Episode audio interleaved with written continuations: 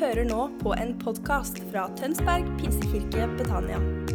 Vil du vite mer om oss, gå inn på betania.no.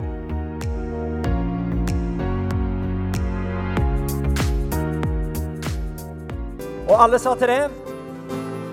Amen. Kan vi gi Jesus en stor applaus der som vi står? Kom an! Løft opp! Litt høyere! Kom igjen! Kom igjen! Det var sykt bra. Det var synd at ingen på trommene ble med. Det, jeg, det var skikkelig god stemning her. Fytti. Kult da, å få lov til å være her. Så kjekt å se eh, alle sammen. Så hyggelig. Kanskje du eh, kanskje begynne med å eh, snu deg til noen og si 'Jeg er glad i deg'. Bare hvis du mener det, da. Nei, men Si det uansett. 'Jeg er glad i deg'. Gi dem en klem, gi dem en high five, gi dem et kyss. Det som passer seg. Det som er sømmelig i Guds hus. Det er bra. Så gøy. Eh, jeg heter Thomas, eh, og jeg er fra Sandnes. Er det noen andre fra Sandnes? Seks måneder? Har du bodd i Sandnes i seks måneder? Seks år? Hvorfor Å ja. Å ja. okay. Nice. OK. Edmund Hetland, er du her? Han er der inne plassen. Ja. Han er en fantastisk mann. Han var eh, læreren eh, til meg og Karoline faktisk på ungdomsskolen. Det er ganske rått. Han hadde oss i seksualundervisning. Kun det, det, er ikke kødd. Kun det. Det var det eneste jeg husker. Jeg tror det var bare det bare det vi hadde han i. Han kom inn og lærte oss om sex. Det er far din! Nei, OK. Men, god, det er god, stemning. Fytti, dette sklir helt ut. Jeg har talt i ett og et halvt minutt. Du, eh, jeg må bare si at det er en glede for meg å være her. Jeg har gledet meg sånn til å komme. Og jeg må bare si at dere skuffer ikke. For en gjeng dere er. For en fantastisk nydelig eh, forsamling. Eh, og dere har de beste, eh, de beste lederne. Kan vi ikke gjøre det sånn at eh, hvis du er leder, eh, hvis du tenker at jeg er en av lederne her, reis deg. Uansett, Hvis du er i lederteamet, en av de som er ledere her, kom igjen, reis deg. Reis deg opp. Så gi meg en applaus for dem. Kom an! Woo!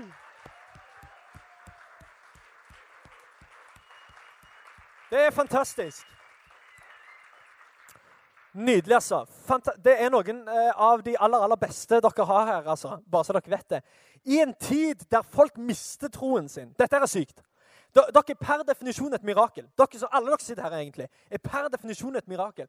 Fordi vi er i en tid der folk mister troen sin, der kirker legges ned, og der folk over hele Europa sier nei, vi tror ikke på Gud lenger. Og så kommer denne gjengen av ledere og sier nei, det driter vi i. Vi vil bygge kirke uansett. Og vi vil bygge kirke på en sånn måte at vanlige mennesker kan få lov til å komme til tro. Det er fantastisk, og det gjør alle sammen herrene til et mirakel. Eh, og jeg er, en, eh, jeg er, stolt av å få lov til å være en del av det, eh, selv om det er bare en bitte liten bit bit her denne fredagskvelden, så er det stort for meg å få lov til å være her. Jeg er, jeg er eh, gift med Karoline, som sitter på første rad her. Eh, vi har vært gift i syv år snart. Kan du tenke deg? Det er jo helt sykt! Wow! Syv år! Syv fæle år for alle andre damer på planeten. da. Eh, men Veldig bra for Karo eh, og for meg. Eh, for så vidt Ikke at jeg er dame, men det har vært veldig bra eh, i syv år. Og jeg må bare si at det er noe av det beste du kan gjøre med livet ditt. bare så det er sagt også. Uansett, da, så er jeg veldig lidenskapelig over Guds hus. Jeg elsker å være i Guds hus.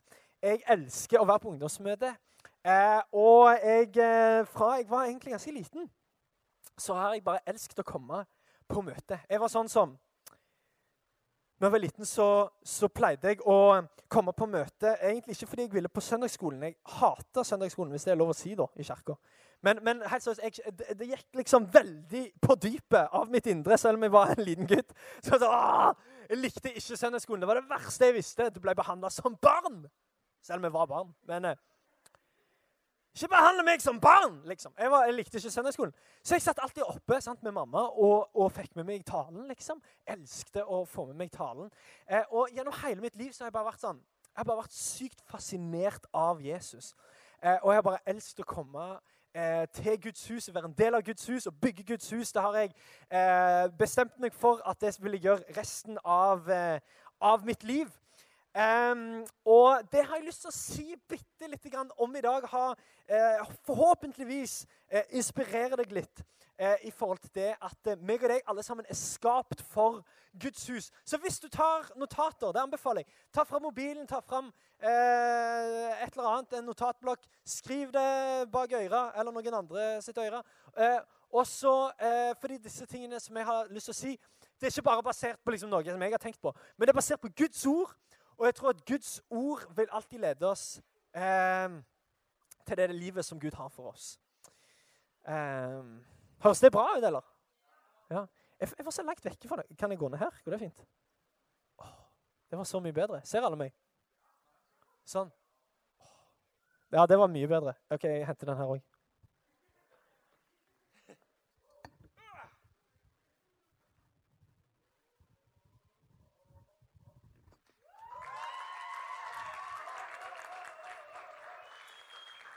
Si, det var en gang faktisk på ungdomsmøtet hos oss der det var sånn hellig øyeblikk. sant? Frelsesinnbydelse. Og Karo tenkte at hun skulle være litt sånn i forkant og hjelpe meg med Mac-en og sånn, ta det vekk fra scenen. Og liksom var, Det var sånn musikk på og liksom skikkelig god stemning. sånn. Og så kommer Karo og skal hente det bordet. sant? Hun kom liksom herfra sånn. Og så bare sleida Mac-en bare Bang! Liksom. Skikkelig sånn subtilt. Ingen som fikk det med seg. Men det går bra. Det er faktisk den samme Mac-en ennå. Ja, OK, uansett. um, jeg vil lese en historie for dere. Det står i Lukas 2. Uh, eh, hvis du har uh, en bibel, så kan du bla opp. Jeg tror kanskje det kommer på skjermen. Får vi det til? Lukas 2, vers uh, eh, 41. Se her! Jeg skal lese høyt, så alle får det med seg. Her står det at foreldrene til Jesus brukte hvert år å reise til Jerusalem for å delta i påskehøytiden. Da Jesus var tolv år, dro de dit som vanlig. Etter at festen var over og de skulle reise hjem, stoppet Jesus alene i Jerusalem uten at foreldre visste om det! Dun, dun, dun! Nå begynner dramatikken. Foreldrene gikk en. Ja, Du må ikke ta det vekk! Det er jo midt i eh, liksom, klimaks. Okay, eh, Nei! Au! Ah! Okay, Hør, hør, vers 44. Foreldre, hør på disse foreldrene. Foreldrene gikk en hel dag uten å savne ham! Hva slags foreldre er det her? For de trodde at han var sammen med sine venner i reisefølge. Og Fram mot kvelden begynte de å spørre etter han blant slektninger og venner. Og da de ikke kunne finne ham noe å se, vendte de tilbake til Jerusalem for å lete etter ham der. Hør hva det står videre. Etter at de hadde lett i tre dager det, Dette er alvorlig tre dager, så fant de ham til slutt i tempelet, der han satt midt blant de religiøse lærerne og diskuterte vanskelige spørsmål. Alle som hørte måten han ola seg på, undret seg over hans intelligens og kloke svar. Foreldrene hans visste ikke hva de skulle tro. Og Maria sa, 'Men Jesus, hvordan kunne du gjøre dette mot oss?' 'Din far og jeg har vært så redde, og vi har lett etter deg overalt.' 'Hvorfor har dere lett etter meg?' svarte han. Visste dere ikke jeg elsker dette her fra Jesus, visste dere ikke at jeg måtte være i min fars hus, i tempelet? Men de forsto ikke hva han mente. Jesus er på tur med sine foreldre. De er på vei fra en by til en annen. Jesus forsvinner, eh, og det går en hel dag uten at foreldrene eh, tenker 'Å, hvor er Guds sønn?' Liksom Ingen har sett han. Eh, og, liksom, de, på, og de må liksom lete i tre dager. da. Og så finner de Jesus midt i tempelet, altså i Guds hus. Og så sitter han der med alle gamlingene, diskuterer teologi, vanskelige spørsmål. Alle syns det er helt sykt. Tolvåring, hvordan vet han så mye? Eh, og, og de, foreldrene spør hva søren? Hva skjer? Hva fillen? Hvorfor, hvorfor, sitter du her? Hva er greia? Og Jesus han bare sier, men hvorfor har dere lett etter meg? Visste dere ikke at jeg måtte være i min fars hus? Jeg elsker hvor selvsagt det var for Jesus at han selvfølgelig var i tempelet. At han selvfølgelig var i Guds hus. Mitt spørsmål til deg i dag er det like selvsagt for deg? Er det like, er det en like stor selvfølge for deg at du òg tilhører Guds hus? La meg spørre deg det spørsmålet. Er det en ting som du tenker, er det like selvsagt for deg at du gjør selvfølgelig jeg i Guds hus?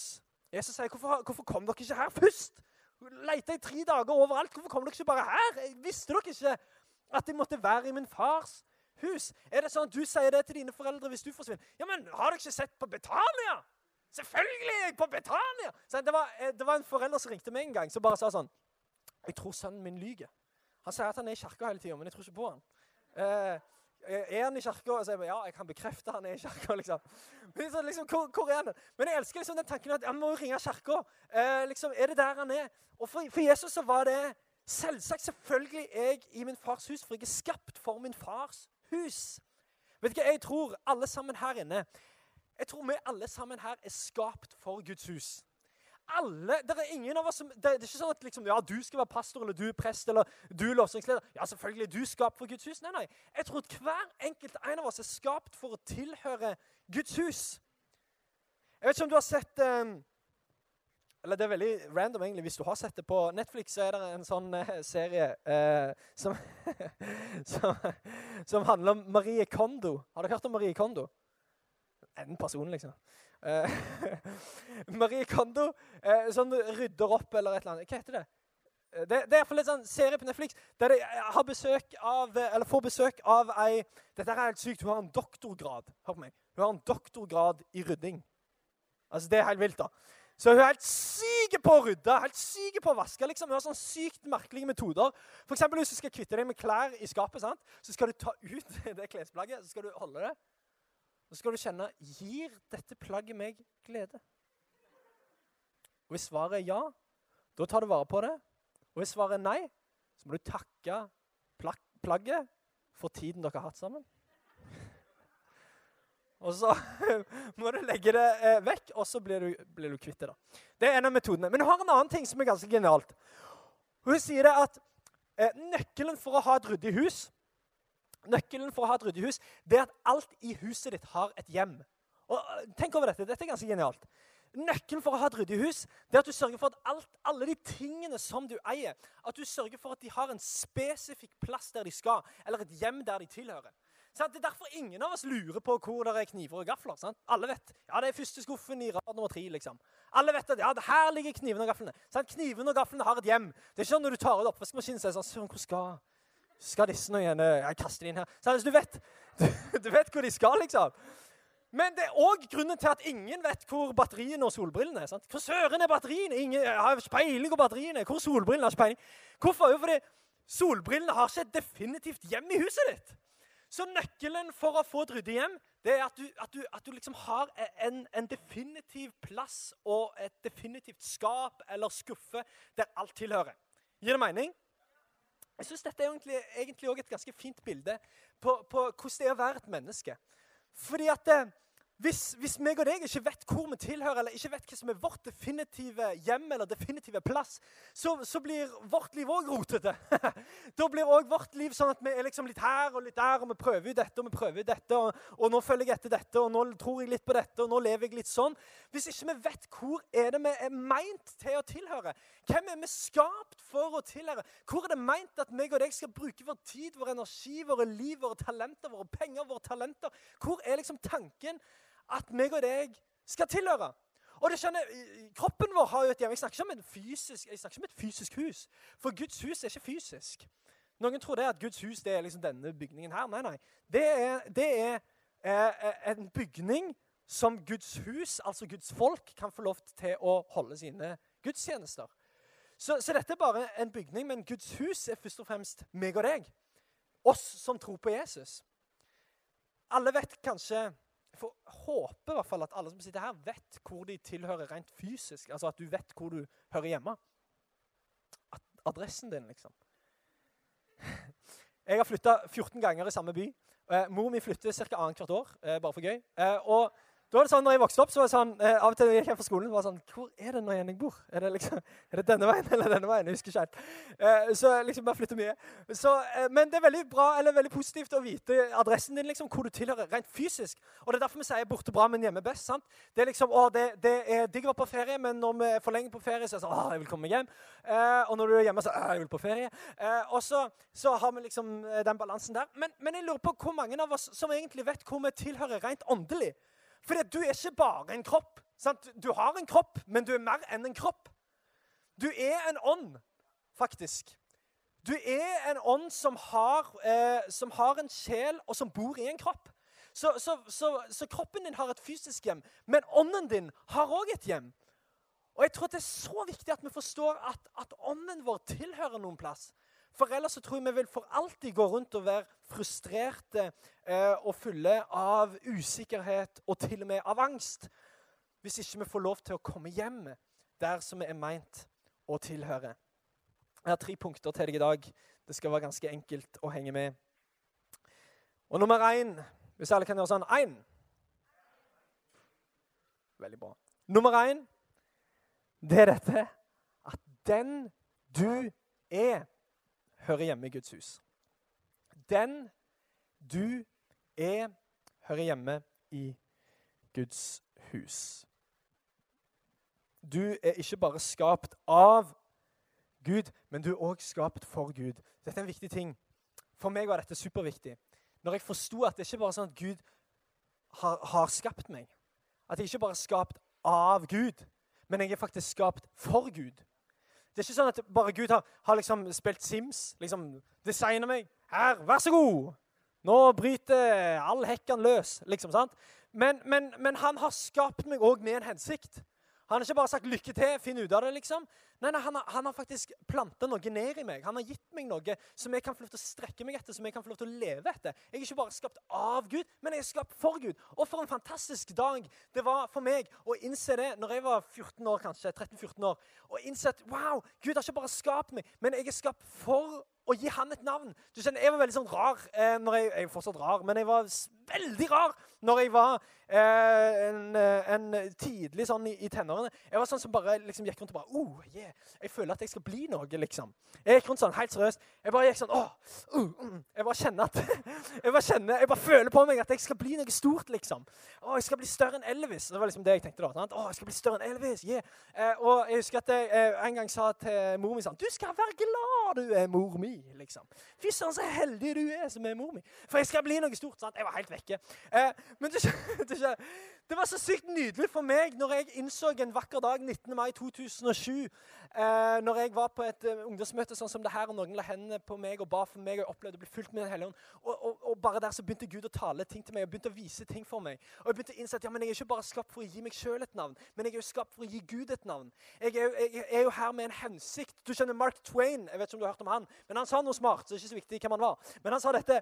Han sa de to beste dagene i livet ditt, det er den dagen du blir født, og den dagen du finner ut av hvorfor.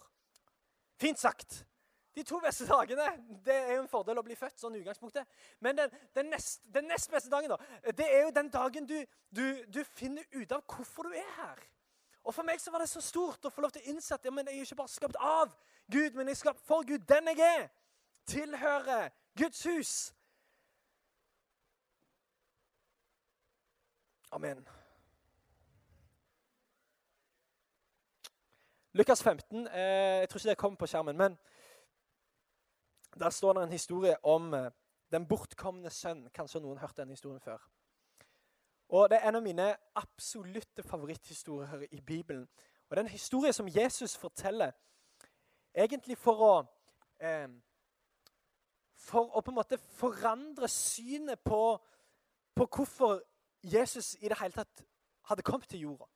Fordi at det, det, var masse forvirring. Det var mange som tenkte at uh, Gud skulle komme og faktisk være altså Mange som tenkte at Messias, altså Jesus, skulle komme og faktisk være en, en, en konge som skulle lage et rike.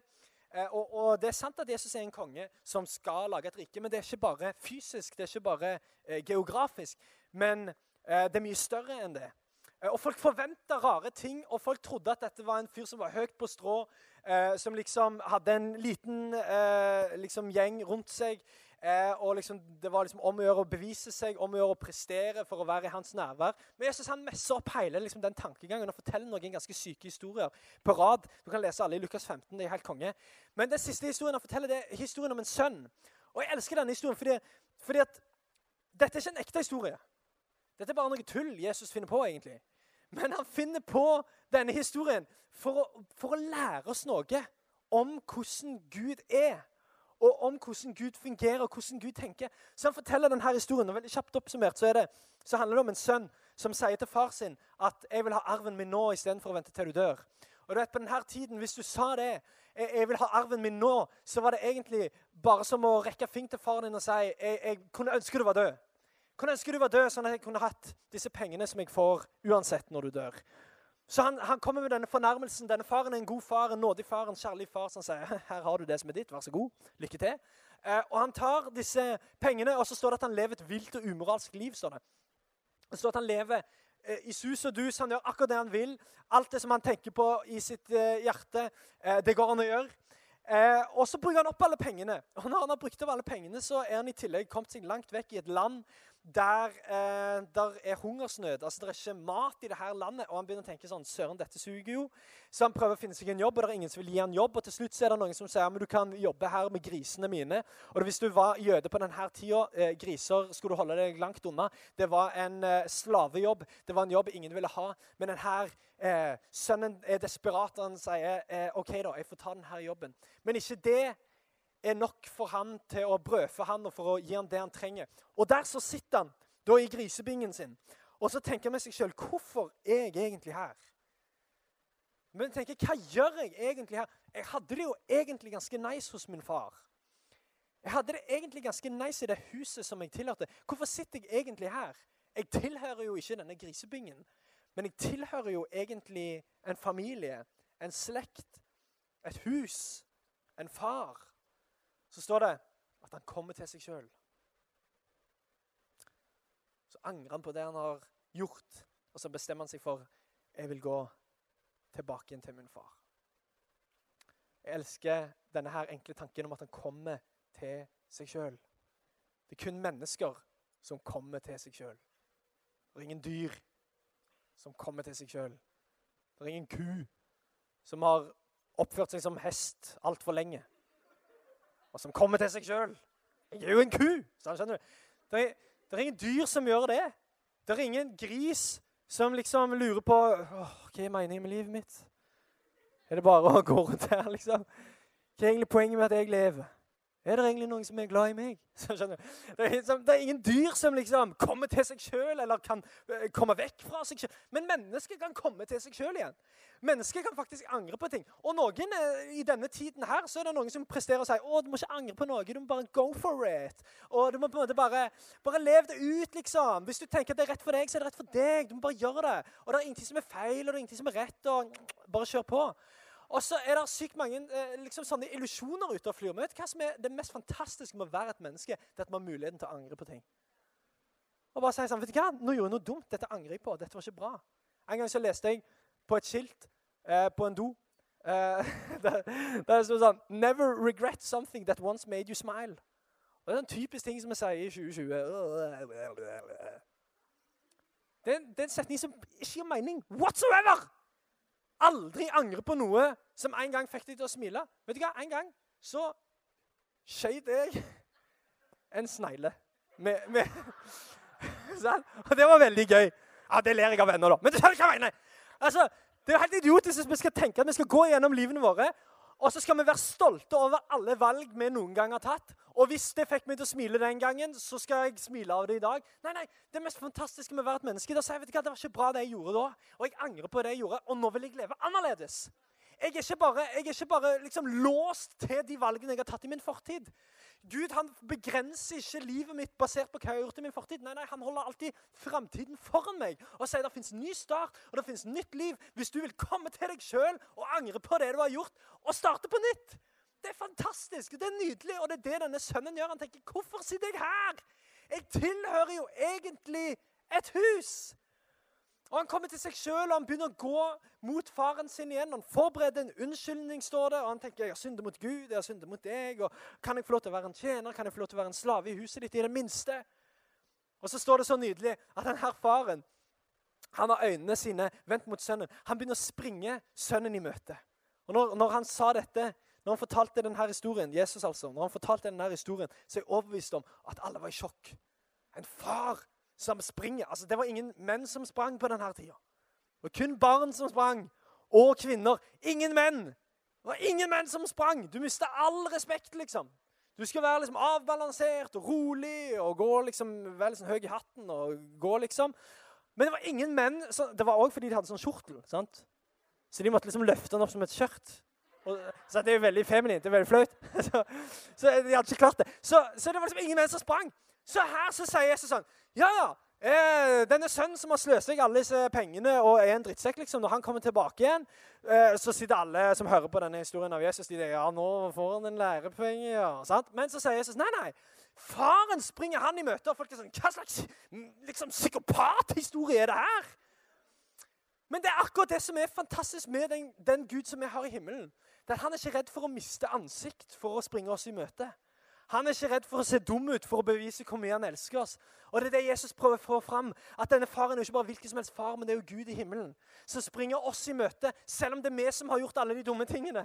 Selv om det er vi som angrer på ting, så springer han oss i møte, kastes, kaster seg rundt halsen på oss, gir oss en klem, gir oss et kyss på kinnet, gir oss en ring på fingeren, gir oss en, en, en, sko på føttene, gir oss en kalv på grillen eh, og gir oss en fest. Og det er god stemning. Og så sier Jesus nå, nå kan vi feire i denne historien. Nå kan vi feire fordi at sønnen min var langt borte, men nå er han her igjen. Han var død, men han har blitt levende igjen. Den du er, tilhører Guds hus. Du er skapt av Gud. Du tilhører Gud, og du er skapt for Gud. Og det fins en mening en plan og en hensikt med at du puster oksygen på planeten Tellus, som denne planeten heter. Den du er, hører hjemme i Guds hus. Punkt to. Alle sier to. Det er at den, eh, eller det du har, hører hjemme i Guds hus. Det du har, hører hjemme i Guds hus. Jeg tror at vi er her, alle sammen. Eh, fordi at vi eh, Du ser det allerede i første Mosebok, så sier Gud at vi skal forvalte planeten. Vi skal forvalte det vi har blitt gitt. Og jeg tror at det gjelder for oss ennå. At meg og deg er meint til å forvalte det vi har, på en sånn måte at det velsigner både oss sjøl, men òg menneskene rundt oss. Det du har, hører hjemme i Guds hus. Jeg vet ikke, Noen, noen stresser sånn over at vi snakker altfor mye peng, om penger og sånn i, i, Guds hus. liksom. I kirka. Det er alltid, alltid så mye snakk om penger, og det er alltid kollekt. Altså, de, så, de kristne er så grådige, liksom. Men det er ikke fordi at vi er grådige at vi snakker om penger. Det er fordi vi er sjenerøse at vi snakker om penger. og det er ikke fordi at eh, Guds hus er et grådig hus at vi snakker om det. Det er fordi at det er meint å være et sjenerøst hus som alltid har mer enn nok til å velsigne byen og landet og samfunnet og de som ikke har noe.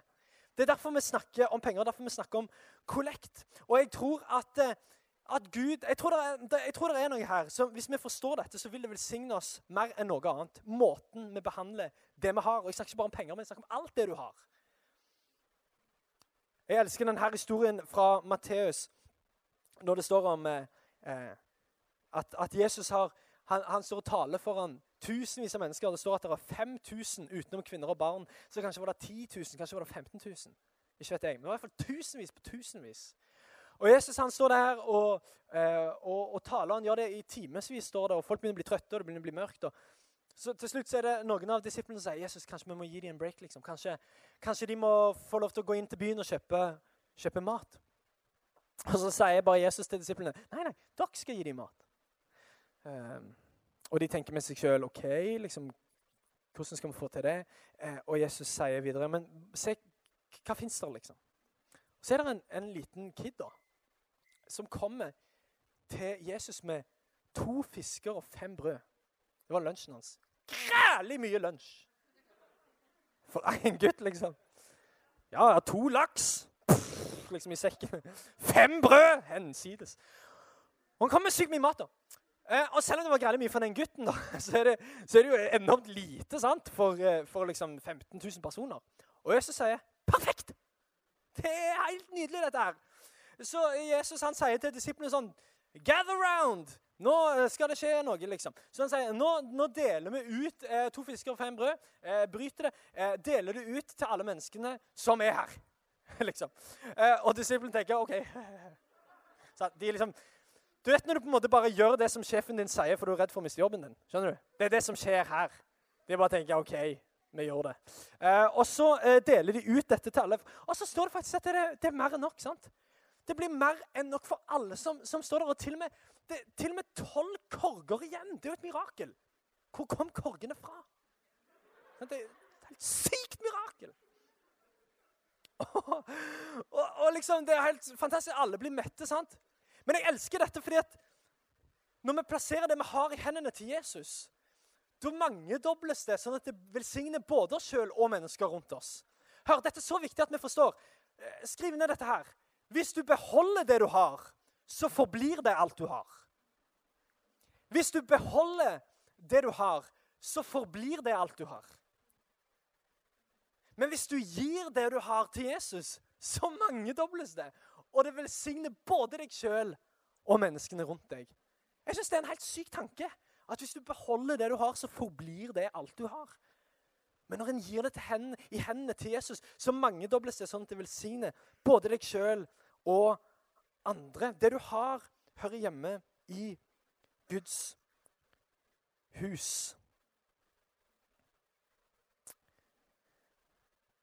Ikke langt ifra der vi bor, så er det et vann. Som eh, en sånn innsjø. Eh, der eh, ingen bader der. Det er ganske ekkelt. Eh, noen raringer bader der, og de er ganske ekle.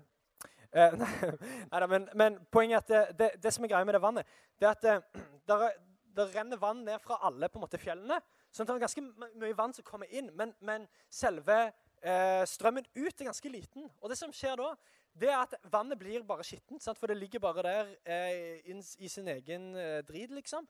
Og så liksom surrer det rundt sånn, og nå bobler det av det, og fisker dør og sånn. Nei, det er ikke så gale, men, men poenget er at det, det er liksom skittent vann.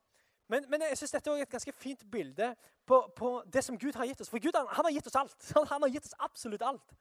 Og hvis at strømmene inn er, er større enn strømmene ut, da blir det vi har, bare skittent og ødelagt.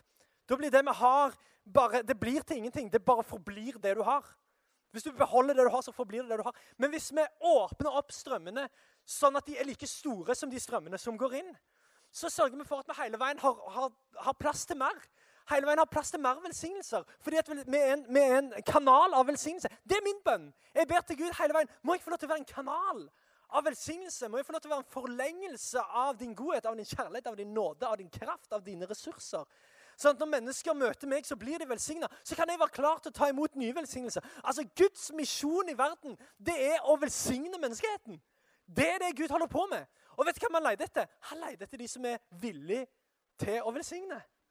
Og Hvis jeg sier til Gud jeg vil, alt det jeg har, det vil jeg gi tilbake igjen til deg. Alt det jeg har, det vil jeg forvalte sånn at det kan være til velsignelse. Da tror jeg på hele mitt hjerte at Gud sier tilbake igjen til de som sier sånn Deg vil jeg velsigne.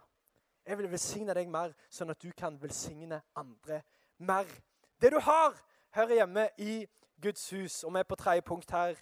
Eh, og Bandet kan egentlig gjøre seg klar. Eh, vi skal snart synge igjen. Men det tredje jeg vil si til deg i dag, det er at det du kan, hører hjemme i Guds hus.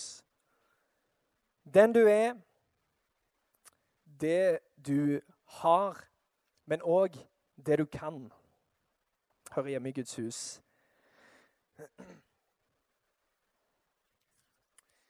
Vi har jo alle gaver, sant?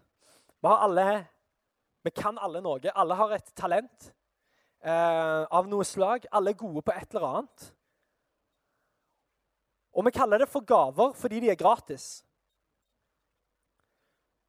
Det er derfor vi sier at du har en gave i å synge. eller liksom, Det der er en gave. Og, og det er sant noen av de gavene og talentene som vi har, noe av det er skills og hardt arbeid og disiplin. og sånne ting. Men andre sider eh, av det å være et menneske det er at vi har fått noen, en utrustning fra himmelen. Noen gaver, rett og slett. Og de gavene er gratis. Og, og, Du må forstå hvor sykt dette er, at de gavene faktisk er gratis. Fordi at det, det er derfor du kan se på en eller annen artist som, som ikke i det hele tatt er kristen eller kjenner Gud, og så kan du bli superimponert av deres gave. Fordi det er en gratis gave som himmelen har gitt til den personen. Så det er egentlig risikosport av Gud å gi alle mennesker gaver. Fordi han vet jo ikke om de gavene blir brukt for å gi han ære, eller om de blir brukt for å gi noen andre ære. Gud har ikke kontroll over det, men det er derfor det heter en gave. Det er derfor det er et talent, fordi det er gratis fra Gud. Det er risikosport av Gud. Så alle, alle sammen har fått gaver, og, og, og de gavene er ikke begrensa til Guds hus, liksom at vi skal bruke de her inne. Men de gavene som vi har, når vi plasserer de i Guds hus, det er da de virkelig får sprengkraft. Når vi plasserer det vi kan i Guds hus, når vi kobler det sammen med vår tro, da blir det til noe som gjør at mennesker blir forelska i Jesus. Iallfall er jeg sånn at når jeg For eksempel, da. Kanye West har jo blitt lovsangsleder i det siste. sant? Og Kanye West sant? Eh, han er en fet fyr, liksom. Og, og, det er mange som har blitt imponert over hans sine ting lenge. liksom. Men fy søren, det skjer noe spesielt. Når en mann som har fått gratis gaver fra Gud, innser at han, at han ikke bare er utrusta, men han har faktisk en skaper som har gitt ham det, ikke bare for å gi han sjøl et navn, men for å gi Gud et navn. Du, Det skjer noe spesielt når vi kobler det vi kan, med den troen som vi har. Wow, Da blir det, da blir det til noe som gjør at andre mennesker blir forelska i Jesus. Faktisk, når, når, Jesus is King-albumet til Kanye kom ut, så, så var det bare en eksplosjon på, av Google-søk på 'Who is Jesus?' Tell me more about Jesus. Og American Bible eh, Society de bestemte seg for å gi ut gratis bibler til alle Kanye West-fans som registrerte seg på nettsida deres. Så de har sendt ut tusenvis på tusenvis av gratis bibler til nysgjerrige Kanye West-fans. Altså, jeg mener, Det er ganske rått. Men Det er en mann som skjønner at ja, men jeg, det, jeg, kan ikke bare dette for at jeg skal bli en kul person og for at jeg skal liksom lage et eh, monument av meg sjøl. Nei, nei, jeg kan dette for å lede andre mennesker til Jesus. Gud har gitt meg disse gavene, ikke bare for at jeg skal ha noe å gjøre med livet mitt. Nei, nei, for at andre skal få lov til å bli kjent med Gud. Wow, så spennende det er å få lov å koble sine gaver med Gud. Det du har, og det du kan, hører òg hjemme i Guds hus. Jeg skal komme til en avslutning her. Jeg har lyst til å lese Feserne 2, 19 til 22. Det kommer opp her. Der sier forfatteren at vi er ikke lenger gjester og fremmede. Nei, dere får være Guds eget folk sammen med alle som tilhører Gud. Dere er medlemmer i Guds store familie. Sammen er vi billedlig talt et hus som er bygget på ett og samme fundament. Denne grunnvollen er undervisningen som Jesus, Jesu utsendinger har formidlet, og budskapet som profetene bar fram for Gud. Huset blir holdt oppe av Jesus Kristus selv. Og det er Kristus som sammenføyer hele huset, slik at det reiser seg som et hellig tempel for Herren Gud. Mursteinene er alle vi som lever i fellesskap med Herren. Ja, gjennom det som Jesus gjorde, kan også dere bli en del av denne bygningen der Guds ånd bor. Dette er gode nyheter. For absolutt alle her inne. Du er ikke bare skapt av Gud, du er skapt for Gud. Det fins en plass for deg. Det fins et liv for deg. Det fins en hensikt for ditt liv. Det er en grunn til at du er her. Gud har ikke glemt deg. Gud ser deg. Gud er den faren som venter på at du skal vende om og, og springe mot ham. Og du kan være sikker på én ting. Han har allerede begynt å springe mot deg. Han har allerede begynt å feste blikket sitt på deg. Klar til å ta imot deg. Gud står ikke med en pekefinger. Han står med åpne armer.